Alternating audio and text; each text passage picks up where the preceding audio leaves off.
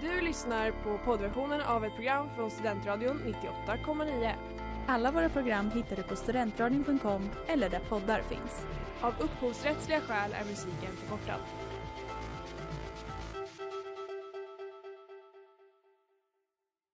Hej Sverige! Så säger man en sak innan valet, så säger man en sak också efter valet. Fler som dör av kyla i världen än, än av värme. Förresten, hjälp. Vad, vad, vad är det för dag idag?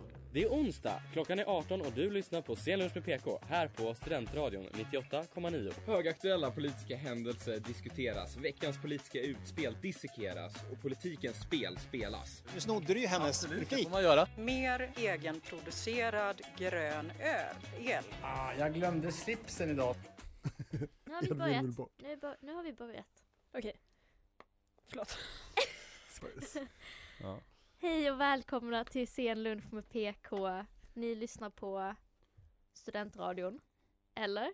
Eller? Eller? Nej, nej. ni lyssnar på podcastrappen. Ni lyssnar på mm. podcastrappen. Det har varit lite problem med livesändningarna men det vi kommer nog tillbaks till det här efter. I studion har vi i alla fall mig, Ellen Meiby. Och jag, Josefin Wiklund. Jakob Lassberg. Och Edvin. Eddan. Eddan. Men ska vi gå eh, rakt in, dyka rakt in i veckans nyheter Edvin? Kör. Ja, eh, ja men jag tänkte bara slänga ut lite att eh, här i Uppsala har vi hört mycket eh, buller över himlen av eh, stridsflyg och det är ju för att eh, den stora försvarsmaktsövningen Aurora 23 är igång.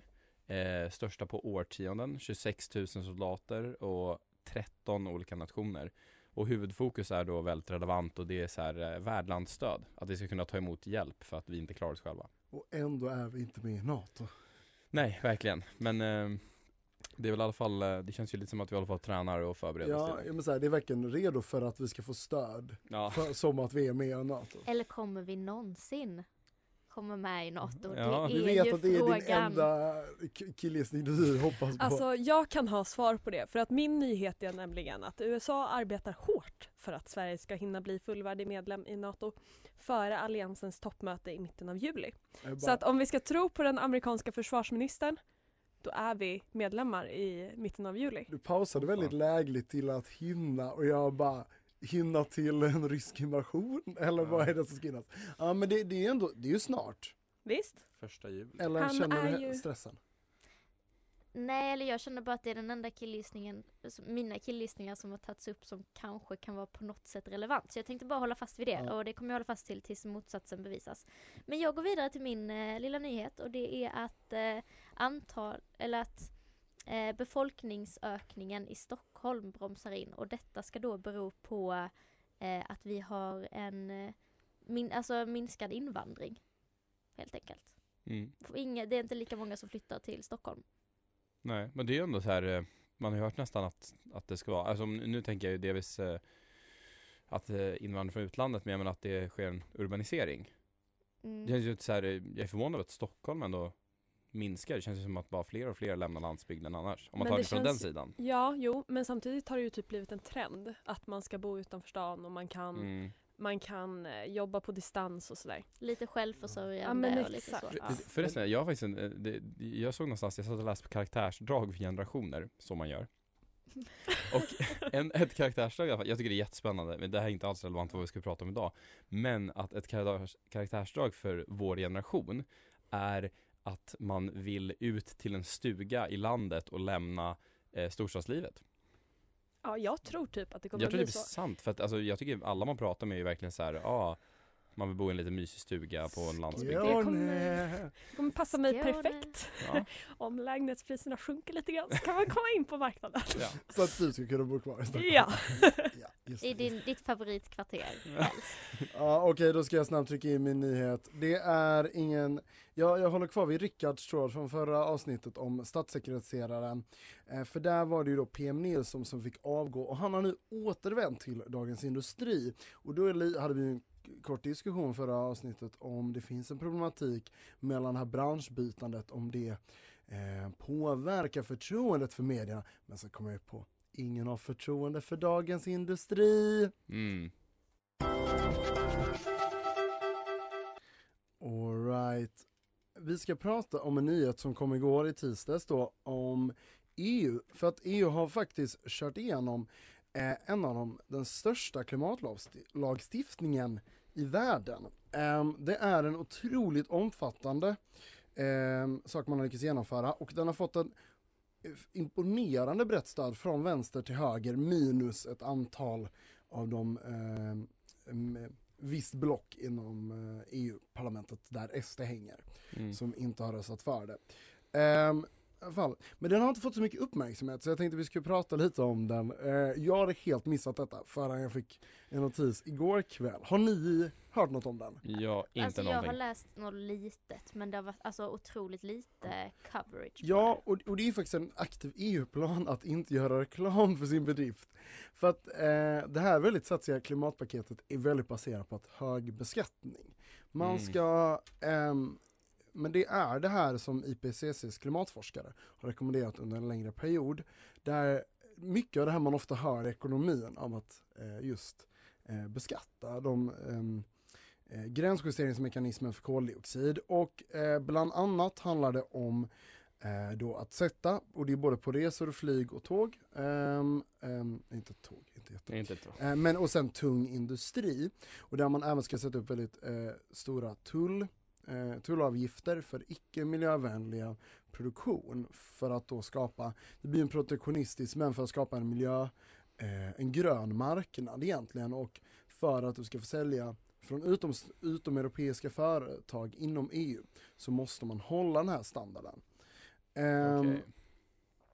Och det är ehm, så kallade klimattullar, omfattar import av cement, stål, elektronik, gödsel och aluminium.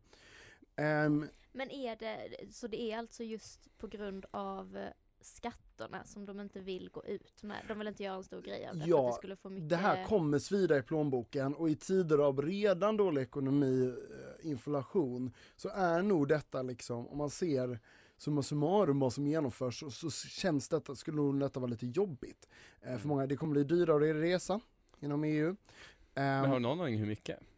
Eh, nej, tyvärr inte på rak arm, men flyget, sjöfarten eh, Ja. så kommer nu ingå i detta.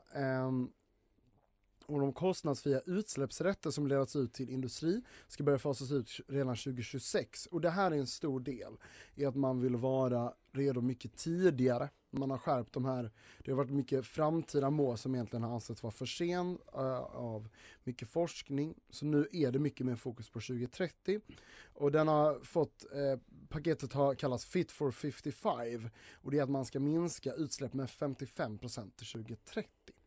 Ehm, Det är ambitiöst. det är väldigt Alltså, ambitiöst. Det ska, eller så här, jag, jag är verkligen imponerad om alltså halve, mer än halvera Ja. på alltså sju och sex och ett halvt år egentligen. Och det är liksom, man ska säga, ja, ja, det var chockerande hur, att så här, forskarna tycker bara det här är ett bra förslag. Det här verkar vara i rätt riktning. Men det, men det känns ju alltså olyckligtvis ovanligt. Ja. Och det är det som känns så himla trevligt nu, att, Ja, men- att de lyssnar på vetenskapen Men jag, äntligen. jag, jag blir jätte så här bara, men det här kan ju inte vara sant. Alltså man, jag, jag har lite svårt, jag vill knappt tro, eller så här liksom. ja, men, men det är också att man är präglad av svensk klimatpolitik som har verkligen har svalnat av på sistone.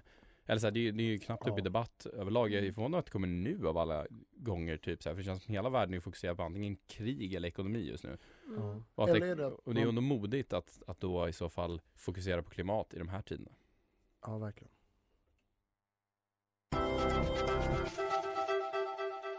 Och eh, vi har lyssnat på musik här i studion men det har inte ni där hemma. eh, så... Hur många pikar kan vi ha i ett avsnitt? Ja. Nej, men eh, det är trevligt väder, våren är här och som man sa i den gamla Hasse och Tage-filmen, släpp fångarna loss, det är vår. Så kommer det inte bli. Enligt kriminalvården behövs över 10 nya anstalter för att leva upp till Tidöavtalet och upp mot 16 med totalt 5400 anställda eh, behövs för att möta den kriminalreform som eh, den nya regeringen vill. Och det här är ju rätt sjukt, att så här, också man vet ju, vet ju alla vilken så här, gängkriminaliteten den platsen har i debatten och hur snabbt man vill att det ska ske. Mm. Och man ser de här siffrorna. Ehm, Ja, det här är ju verkligen en direkt följd av den här reformen. Höja straffen, Mm. ta in fler direkt, Mm. eh, skapa någon fängelsepresumtion. tänker jag. Ja. Det, här, det här är också bara ehm, Kriminalvården betonar att siffrorna ska tolkas med försiktighet och att de faktiska kostnaderna och kapacitetsbehoven kan bli både högre och lägre. Men enligt de beräkningar som gjorts i rapporten bedömer myndigheten att antalet fängelseår kan komma att öka mellan 3300 och 4900 år. Det här- 3300 till 4900. år, alltså då Mm. som ant, alltså ökar Mm. i antal fängelseår. Men alltså, jag, jag tycker att det Men vadå, ö- öka under en period eller öka Alltså Nej. det är väl antalet som döms ut, antar jag. Ja, ja, per ja. år? Ja. Nej, utan det här, eh, som jag sa, fängelseår, så att säga mängden personer som, är, om vi samlar ihop alla år, alla som sitter i fängelse är dömda till, Ah, okej. kommer det öka med det här i och med, Mm, jag som jag tolkar det. Ehm, Ja, det är mycket. det är ju väldigt, Väldigt mycket. kostnader eh, tros landa upp på 10 miljarder kronor. Och det, nu, nu blir det här liksom, det är en stor förändring, men det är också en fråga som har varit kanske, det var ju den största valfrågan, så det är väl också kanske här Mm. jag tror svenska folket också har störst förväntningar. Ja, att de vill se någon förändring och det, Ja. det här är ju förändring i alla fall. Men jag Ja. tycker, det blir, jag tycker det blir ett konstigt fokus om man ska prata om förändring för att det som folk anser ska förändras är väl att fler ska dömas. Alltså, Ja. Eller jag vet inte.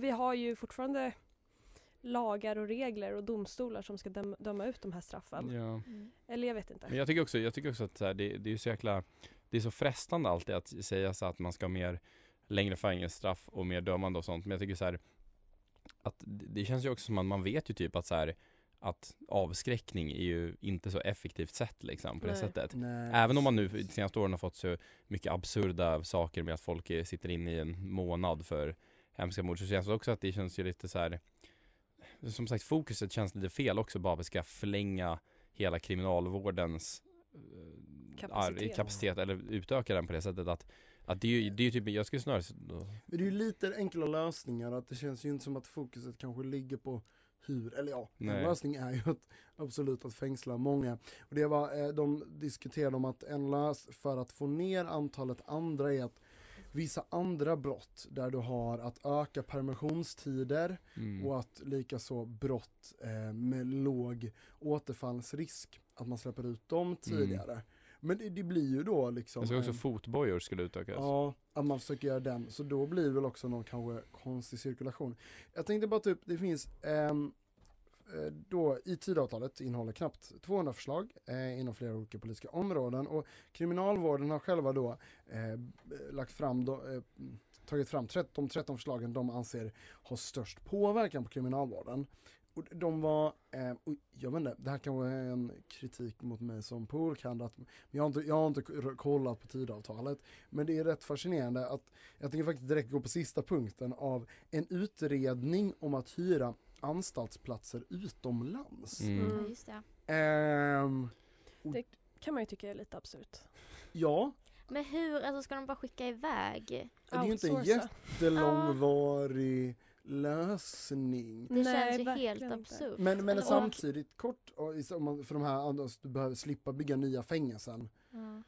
Skickar man dem till Norge och Finland hoppas jag. De Men det, det här känns också som en så här Sådana där lösningar är så frestande nu men det kommer säkert vara svindyrt när man tittar på det på en tioårsperiod. Där vi jag ska betala Norge det. för det här liksom. Verkligen, och också när man tittar, okej 10 miljarder kronor och sen så plus att man ska outsourca. Alltså det är ju som ni säger, det är så kortsiktigt. Det, man tänker så kortsiktigt. Tänk om man kunde pumpa in hälften av de pengarna i andra reformer som kanske skulle kunna få folk att inte välja kriminalitet från Nej. första början. Mm. Det är bara sen- en annan, Men, annan visst, syn. men, Ja. men sen ska det också sägas det att jag också. menar majoriteten av svenska folket känns ju också som att man vill ju ha längre straff och sånt. Ja. Så jag tycker inte det känns förvånande men jag tycker också att man inte ska helt eh, blind, förblindas av det. En lösning funkar väl aldrig, men de där sociala reformerna tar ju också otrolig tid. Mm. Ja. Men nej, Men man kanske är- inte bara kan vara kortsiktig. det är sant. Alright, och nu i veckan kom också eh, vårbudgeten för 2023 med ändringar i budgeten eh, som då regeringen presenterat. Eh, och då vidare på det här kriminalvårdsspåret så har man avsatt de 300 miljoner kronor till kriminalvården i eh, vårändringsbudgeten. Och det här, de här siffrorna blir helt så abstrakta när man pratar om. Mm. Att det blir liksom, ah, okej det behövs 10 miljarder tror man över för att göra den här satsningen, den här ändringarna inom kriminalvården. Hur mycket blir man avsätter 300 miljoner nu? Ja, Ehm, men eh, nej, det hela känns och om man ser även då vidare den här 13-punktslistan då så var det, det är mycket fokus på gängkriminaliteten. mm. Eh, men jag tänker just det här med utomlands är ju att man då om man gör sociala reformer att man då att man kan få det att vara en kortvarig grej men det känns också otroligt om man vill höja Ja. straffen liksom. Mm. Bara en snabb grej, alltså, när man tänker på så här, vad, som är fokus just nu så är det verkligen så här så på något sätt traditionella eh, grejer man fokuserar på. Det är så här brottslighet, det är försvar och det är ekonomi, eller så här, alltså Ja. levnadsstandard för människor. Det känns ju någonting lite så här eh, Ja, om man man- jämför för tio år sedan på något sätt. Men det jag vet inte vad känns, som var gammalt tio år sedan. det känns som men, att man går tillbaks till sådana ämnen när man hamnar i en lågkonjunktur och en kristid, eller? Ja exakt, det är ju rimligt men det, det är bara så spännande att det är, liksom så här, att det är de sakerna som är, som är Sveriges stora problem. Annars, det, det är ju samma prioriteringsområden som det är för riktigt underutvecklade liksom, utvecklingsländer. Att bara så här, människor ska ha mat på bordet, Mm. det ska vara ett försvar och det ska vara en polis typ. Så här. Man har gått ner några steg på behovs Ja exakt. liksom. Och det är, men det är ju det är ju rimliga prioriteringar. Men det, jag menar bara att det är spännande att... Men eh, verkligen den tio år tillbaka under alliansår, det kändes som det var helt andra frågor, den här typen av grejer. ja. Kändes väldigt avlägset. Men just på tal om det så är då vårbudgetens tre stora vinnare eh, som är det gick ut med, det är ju försvaret som har fått 660 miljoner. Mm. Eh, nu, nu är jag inte på rak, jag för mig att det är siffran eh, som försvaret är och det är en tydlig satsning för Na- NATO-medlemskapet. Ehm, den är ju, det finns ju alltid något väldigt mörkt i när man satsar på försvaret. Ja. Ehm, I liksom kristider. Mm. Eh, där man känner att det är mycket annat som miljön och människor och så. Men samtidigt är det väl en investering. ja, den känns ju inte som att de får så mycket kritik. nej, eh, nej liksom. det får de ju inte. Ehm, och det är ju, ja, om vi vill med i NATO så är det ju det som verkar krävas. Och det är väl det de flesta, Ja. och, alltså de, folk, partierna håller ju med om det. Ja. Mm. Och sen så är den kanske största är på över 700 miljoner är till ehm, högskolor och universitet eh, eftergymnasiala studier. Ehm, som får då den här väldigt stora satsningen. Detta är ju en eh, inflationssatsning man gör. Kanske Eh. statsen kan få en bonus. Ja, Ja, det behöver de ju. precis. För att hålla våning sex. Får Så börja få in sig. exakt. Ja, tyvärr tror jag detta handlar mer om fler platser dessvärre. Just när man ser att arbetslösheten ökar så vill man få in folk. Det är ett väldigt ekonomiskt effektivt sätt att sätta in folk i utbildningar. Behåller de våning sex på statsen så får det plats fler människor att plugga på statsen. Det blir i alla fall inte färre. Så är Jag det. tycker vi ska sälja in detta. Ja, det här är vår pitch. Statsen, Uppsala universitet, hjälp. D- direkt med pengarna.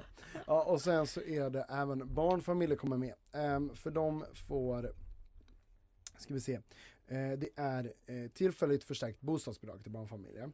Eh, men den har faktiskt fått väldigt mycket kritik från eh, Majblomman som är till, går till barn som lever i fattigdom i Sverige och likaså Rädda Barnen som ställer sig kritiskt eftersom denna ska bli ett så kallat nollsum, finns risk för nollsummespel för de absolut fattigaste och mest utsatta i Sverige av barnfamiljer. Att man, eh, de, här bidragen börjar slå ut varandra.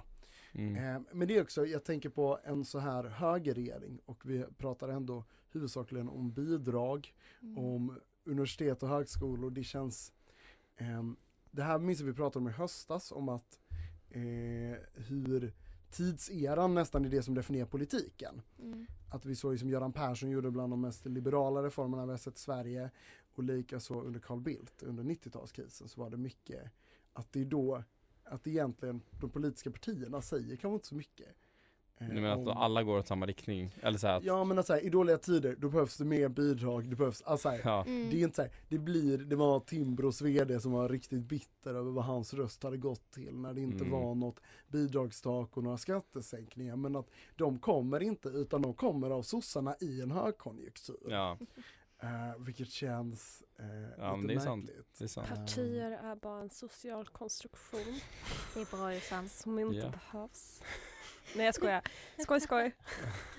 Men det är ju kul, det, det är ju någonting väldigt absurt. Men alltså det finns ju att så här, om vi ser typ så här hela, alltså Göran Perssons alla skolreformer så här, luckra upp skolmarknaden och sånt. Att vi har likaså att så här, Socialdemokraterna under både Stefan Löfven och Magdalena Andersson, det var väldigt ehm, liberala reformen som genomfördes. Ja det är ju jätteintressant Att faktiskt. den Ja. är, och vi får se, vi, kanske är just i dessa tider vi kommer se riktig sossig politik från Moderaterna.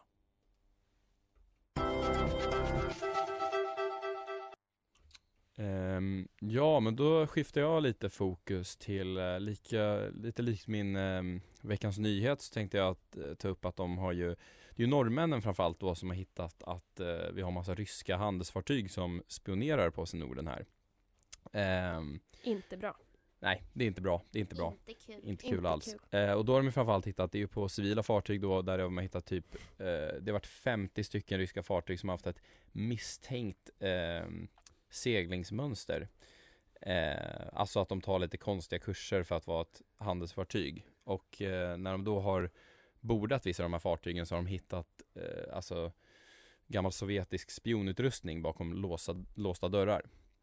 Eh, vilket, ja, det, det ser ju illa ut. Vi kan inte vara säkra Ja. men det ser ju jävligt dåligt Kan ut. de gå på ett fartyg och bara den där låsta dörren visa? Jag antar att det är väl en viss del av vad typ så här kustbevakningen och sånt gör. Om jag får killgissa lite. Om det är svenskt vatten. Men jag vet inte, Jag jag vet inte hur lagstiftningen ser ut Men där. det känns väl som att man borde väl behöva ha någon typ av husrannsakan eller? Ja, man Om man, tycker ju någon kanske typ av misstanke om att det är Men det kanske är just det om det är ett hand, om det är någon som har, om det är ett fartyg som åker förbi samtliga försvarsanläggningar i Sverige så kanske det är så här, ja. Det kan det var väl också att de inte har sändare och lite Ja, jag tror att det är, det är saker som är misstänkt och sen eh, 27 av dessa fartyg har åkt runt i Sverige varav 8 har också åkt in i svenska hamnar. Mhm. Vilket inte heller är toppen så att Optimalt. säga. Men, ehm, Men det, vad, vad är det de har liksom eh, spionerat på? det är att de har gjort framförallt de har åkt över, de har liksom följt ström och datakablar. De har tittat på kommunikationskablar och om jag förstår rätt så stannat liksom på mitt på var en kommunikationskabel ligger. Och liksom de rekar kan man väl säga. Ehm, så att, jag sa det här i pausen men jag tycker att det är så förvånande med tanke på hur, hur det, det här var dock över fem års tid ska jag sägas. Men att, att Ryssland har kapacitet att göra det eh, fortfarande. Med tanke på att de verkar ju lägga alla resurser de har i Ukraina. Eh, så tycker jag att det är liksom sjukt att de Det känns alltid svårt tycker jag att bedöma rysk kapacitet för att det känns som att det hade gått rätt dåligt i kriget med Ukraina och liksom där man ändå sa att Ryssland skulle vara så dominanta Mm. och man hör ju egentligen att här, om Ryssland invaderar Gotland så håller Sverige i en vecka. Nej de sa om Ryssland invaderar Sverige så håller Sverige en vecka. Ja, ännu bättre. Ja. ja men, så här, men liksom, men sen ser man Ukraina-kriget och det Mm. känns väldigt svårt att bedöma deras Ja. kapacitet ehm, som land. Men det tycker jag också är intressant, alltså på sätt och vis så kan man ju, tycker jag man nästan kan resonera att eh, Jag menar, vi uppenbarligen har överskattat rysk militär förmåga väldigt länge Egentligen Mm. finns det en så stor anledning att rusta upp hela världen De misslyckas ju något fruktansvärt i Ukraina Ja, jo. Nej men du förstår vad jag menar, alltså det Ja. behöver ju inte vara sant i framtiden men jag menar Någonstans så ligger det ändå i att så här, de kanske är mycket ofarligare än vad vi någonsin tänkt dem Ja och den kap- alltså jag tänker just nu när de har, alltså här, de har satt sig i den här konflikten med Ukraina och det är ändå nog ett Alltså man ser om man jämför med vad det skulle vara att försöka, de skulle försöka invadera liksom Finland. Att så här, det kan ju inte vara lätt, att så här, jag Vadå? tänk- eh, nej men så här, Ukraina måste väl ändå jag vet inte, i och för sig ett väldigt stort land, men att så, här, så pass dåligt att så här, det skulle inte vara lättare att försöka invadera ett NATO-land direkt. Nej nej, nej nej Ehm, verkligen Jag tänker att så här, ehm, sen så är det väl att man vill ju undvika det helt och hållet gärna. Men ehm, Ja, nej verkligen. Men det är i alla fall förvånad eh, över kring deras kapacitet. Men sen tänkte jag ta upp, jag kan ju gå in på det direkt egentligen, att ehm, det var ju de här eh, Pentagon-dokumenten som jag tycker förresten är ju så fruktansvärt roligt att de släpptes ju på en Minecraft-server.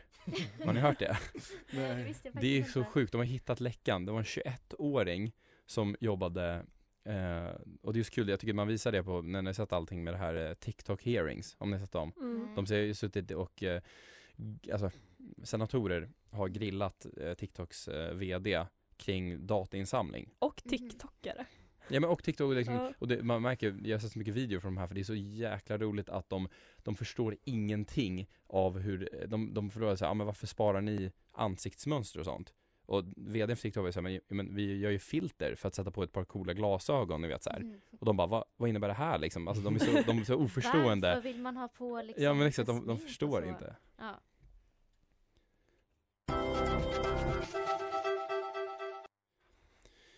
Ehm, ja men för att koppla ihop um, TikTok-grejen, det var så här att de har ju grillat då TikTok så hårt. Och nu så kom det ju fram att de har spårat att det släpptes på en Discord-server som ägs av Microsoft, ett amerikanskt företag. Så deras största säkerhetsläcka på årtionden har inte skett genom TikTok, ett kinesiskt företag, utan ett, ehm, ett amerikanskt. Alltså Pentagon-läckorna. Ja, nu. Ja. Och det släpptes ju då av en, av en tekniker som var 21 år. Och samma sak här, de, de, de gamla liksom höga cheferna har ju typ gjort någonting att så här, alla som jobbar någonting tekniskt får access till allting. Så att den här 21-åringen då som, som gillade att spela Minecraft och var inne på en Minecraft-server, han hade ju högsta säkerhetsklassen. Och det, som, det här är det som är, de har ju samlat in vad, vad som sades i den här Discord-chatten. Och då var det någon som var så här, ehm, han var så här, ja ah, jag är rätt cool för jag jobbar inom staten och jag har högsta security clearances.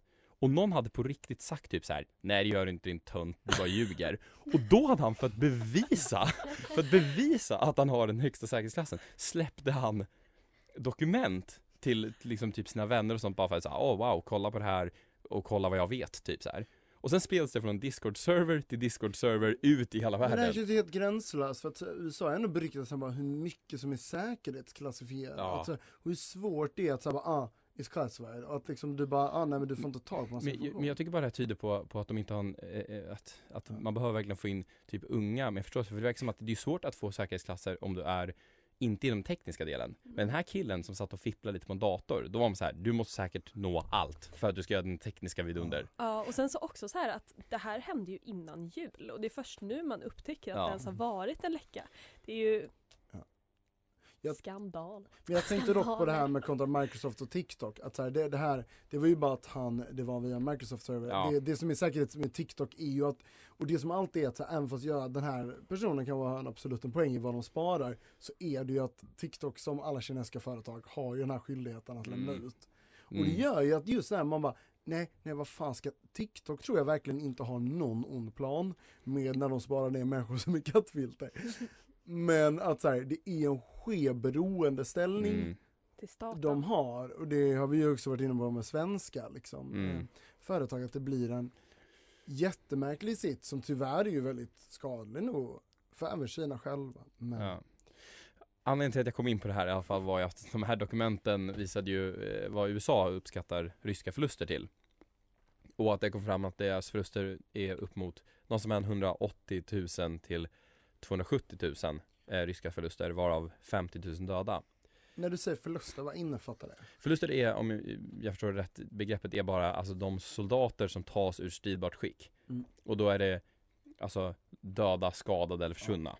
Liksom. Mm. Ehm, och bara för att jämföra, vi pratade om det här när vi eh, skulle planera den här sändningen, att liksom vilken, vilken, vilket jäkla R det måste lämna på Ryssland. För man jämför, jag tittade upp nu då, alltså Vietnamkriget som varade i sju år för USA har ganska liknande. Det var 58 000 eh, döda, varav strax under 300 000 förluster, vilket är ungefär samma siffror som Ryssland då har eh, fått på ett år, varav Mm. USA fick på sju år. Mm. Och du nämnde även, jag tänker en rysk, i den ryska kontexten, vad var det?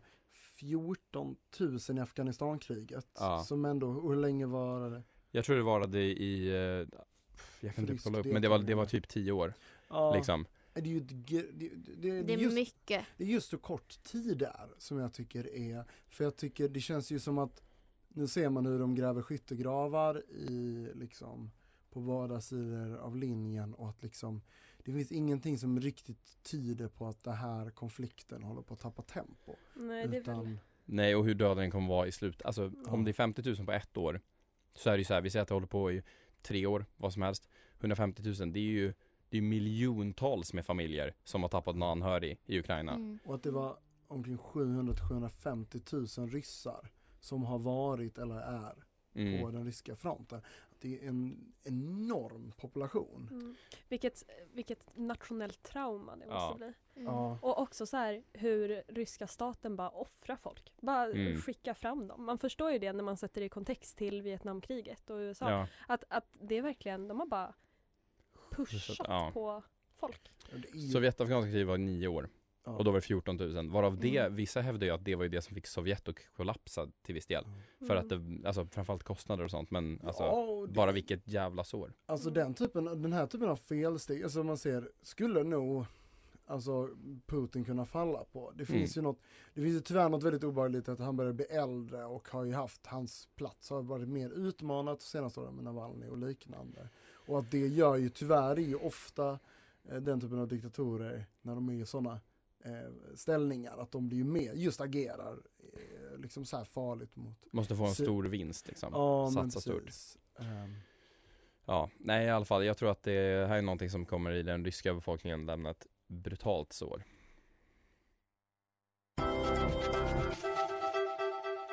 Ja, är det någon som har åkt pendeltåg?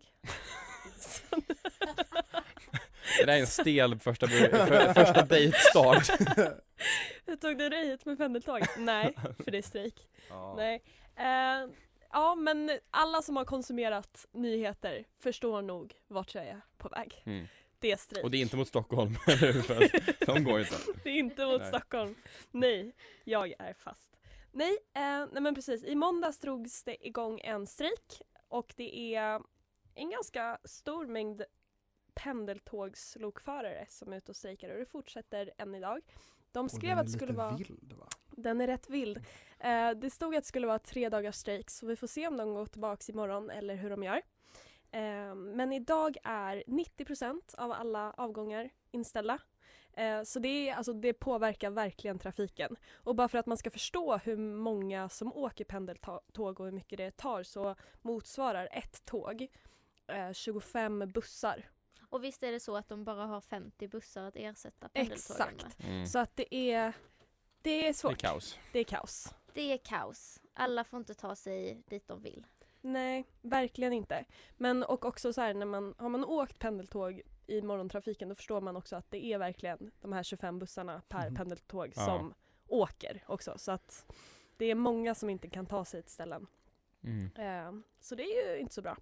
Eh, och i tisdags kom beskedet från arbetsgivaren NTR att de stämmer lokförarna som har gått ut i vild strejk på 6 000 kronor vardera. Mm. Och det här är, nu- nu får nog vild strejk. Ja, och det är ju en strejk som inte arrangeras av fackföreningarna utan sker på arbetstagarnas egna initiativ. Mm. Det, det känns, och det, det, jag vet inte, eller de kommer ju ändå någon gång ibland men de är ändå väldigt ovanliga i Sverige. Mm. Ja, det stod, jag, har- jag har researchat lite och på 70-talet så var det ungefär 300 per år. Oj. Men nu de senaste åren har det ju varit inga alls. Alltså det är jätteovanligt. Det var 2017 var det sophämtare som gick ut i vild strejk. Ehm, och de i Stockholmsområdet också. Och de behövde betala ett och två per person typ. För man Mm. får inte böt, alltså det, det här med böter det är ju bara när det är vild strejk. Ja precis för att annars om, om det är ett gällande kollektivavtal mellan arbetsgivaren och arbetstagarna då så är det fredssituation typ. Mm. Jag vet inte. Då, är det, då ska det gälla fred. För Mellan. det, för det här tycker jag, alltså här, jag, jag, jag fattar att det är jobbigt för dem att behöva betala böter men jag tycker det är lite nice att det här är liksom, att det är en vild strejk. Det känns som att vi i Sverige har gjort strejkande tråkigt. Det är, så här, Ja. det är byråkratiskt, det är ett bestämt format. Nu Alltså, är det vilt. Nu är det vilt, det är lite, alltså Samtidigt så har ju lokförarna, alltså de, de kommer ju inte betala det själva. De har ju samlat in 1 500 000 kronor. Är det så I, mycket? ja, I donationer? ja, för att alltså, de, har, de har mycket stöd, lokförarna. För att det är ju så att de inte ska behöva betala de här Okej. böterna. Men, det, men, i- Men jag, fortfarande, det är Mm. vilt. Det är vilt. men också att jag tänkte på, nu vet jag inte om det är så men det vore väl rimligt också att det är tillåtet att sparka människor som strejkar om de strejkar vilt. Alltså, om jag får alltså, gissa. Ja, inte, Ja. I, i Sverige får du ju egentligen, alltså det är ju Det vet jag, men jag tänker att det här borde ju vara en, en ja, skit, men det jag jag tänkte på i alla har fall. det- researchat Okej. det, om ni vill höra. Jossan har svaret. Men vi jag kan svaret. killgissa detta. Ja men kör ni. Uh, nej men så här, eh, det, man får göra det som yttersta åtgärd. Mm. För att det du gör är ju att du arbetsvägrar. Ja. Och då så ska det ha gått en viss tid och det ska vara liksom, de måste kunna fortsätta sin arbets... s- de måste kunna fortsätta sin arbetsgrej. Eh, Ja men eh, det, det jag tänkte säga i alla fall var att om de nu får göra det, det är ju inte så lätt att direkt få tag på 75 nya lokförare för pendeltåg. Jag tänker om man jämför med, med sopgubbar som strejkar så kanske det är lätt att byta ut dem. Medan jag tänker att det kanske är klurigare med Fast det är ju det sopgubbar, det är ju så här bland de kändaste, så här, det finns väldigt stora strejkar där liksom verkligen samhället kollapsar när sopgubbar Ja visst, men jag tänker där är det ändå, där kan ju ändå som den här yttersta åtgärden kanske Ja. bara skjutsa ut dem Ja. som arbetsvägrar in med ett gäng 18-åringar som hämtar soporna. Men jag menar lokförare kan jag tänka mig är, är svårare. Ja, ja. Säger du att det inte är Men nu är det svårt väl, att hämta Nej, sopor? men, men, nej, men det är väl, jag eh, nu är det så här, för det är ju tågvärdar som diskuteras. Att de, Mm. Men är det både tågvärdar och lokförare eller är det samma? Nej men det är lokförarna som är ute i strejk nu. Okej. Men dock, Christer Törnqvist, docent i arbetsvetenskap, han har sagt i alla fall att han inte tror att den här pendelförarnas strejk kommer leda till uppsägningar. Mm. Ehm, ja. Men de verkar ju ha rätt brett stöd ändå. Det jag bara tycker är den, bara, den politiska aspekten av detta, för detta var ju Moderaterna i den förra eh, region eh, Stockholm eh, som drev genom detta. Och sossarna gick ju till val på att de skulle stoppa detta och vann ju valet. Men lyckades ändå, men har nu ändrat sig och stod kvar vid Moderaternas förslag om tågvärdar. Så att den är ju... eh, Det är lite tråkigt för dem. det är ju lite, så det är ju är spännande hur det här utvecklas, om det blir mer än tre dagar.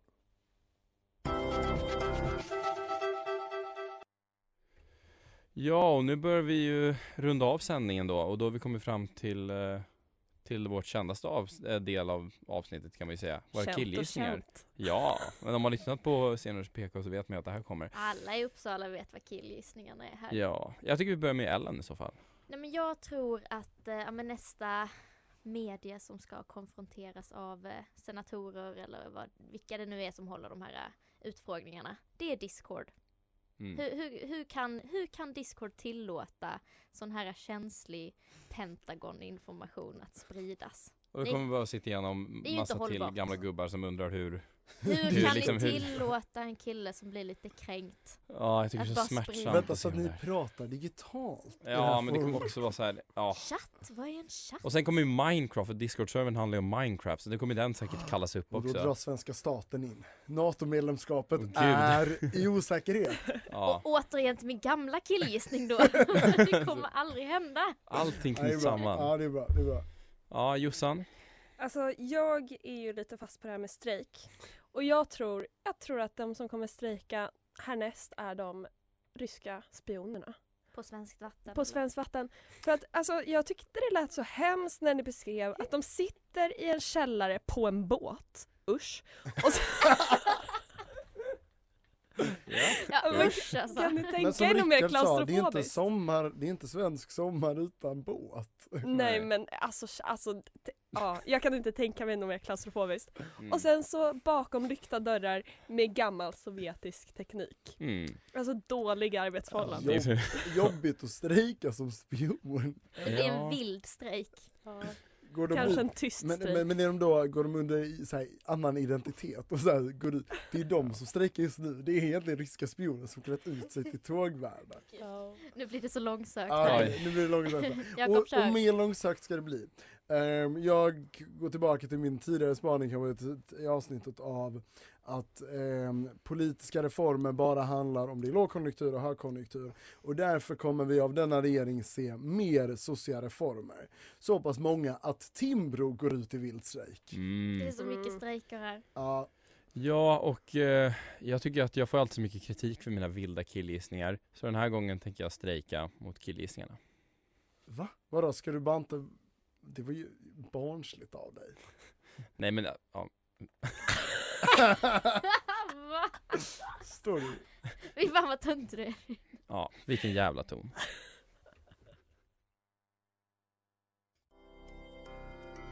Du har lyssnat på poddversion av ett program från Studentradion 98,9. Alla våra program hittar du på studentradion.com eller där poddar finns. Och kom ihåg, att lyssna fritt är stort, att lyssna rätt är större.